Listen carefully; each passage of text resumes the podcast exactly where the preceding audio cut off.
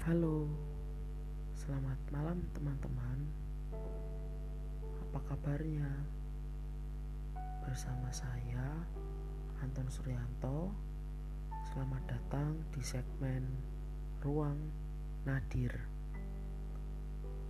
Sebuah ruang tempat di mana aku, kamu, dan kita bercerita perihal luka, kecewa. Sebelum lanjut, kepada teman-teman yang ingin berbagi cerita ke ruang Nadir, bisa langsung kirim melalui email ke antonsuryanto@gmail.com.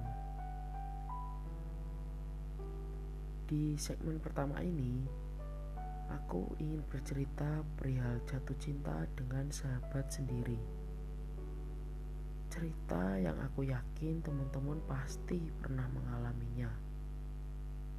Mungkin cerita ini dibuka dengan kisahku setahun yang lalu. Ya, setahun yang lalu aku hadir pada fase itu, di mana aku tiba-tiba tidak mampu mengontrol rasa nyaman yang dibuat oleh sahabatku sendiri. Hubunganku dengannya awalnya hanya sebatas profesionalitas dalam organisasi.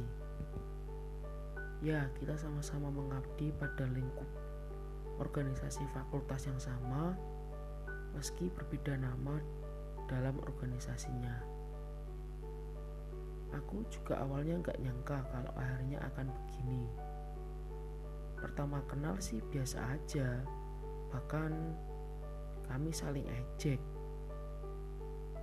hingga semakin berjalannya waktu berbagai kegiatan sering mempertemukan kami dan chat kami pun semakin intens dilakukan.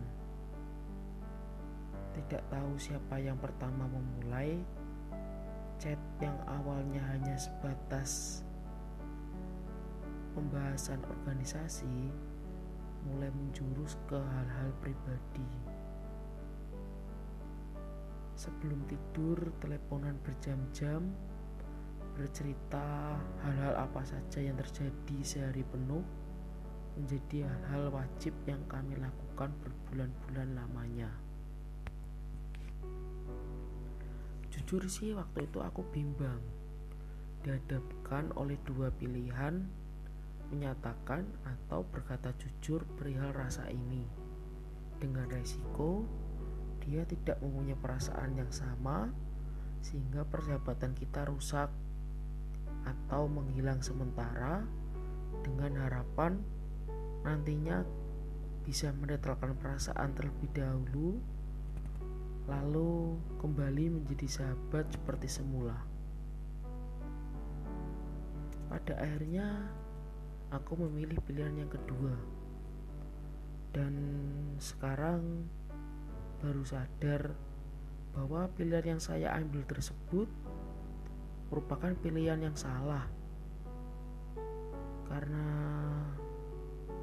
hingga setahun ini ya setahun belakang ini ketidakjelasan tentang hubungan kami menjadi hal yang mengganjal dan hubungan pertemanan kami juga semakin renggang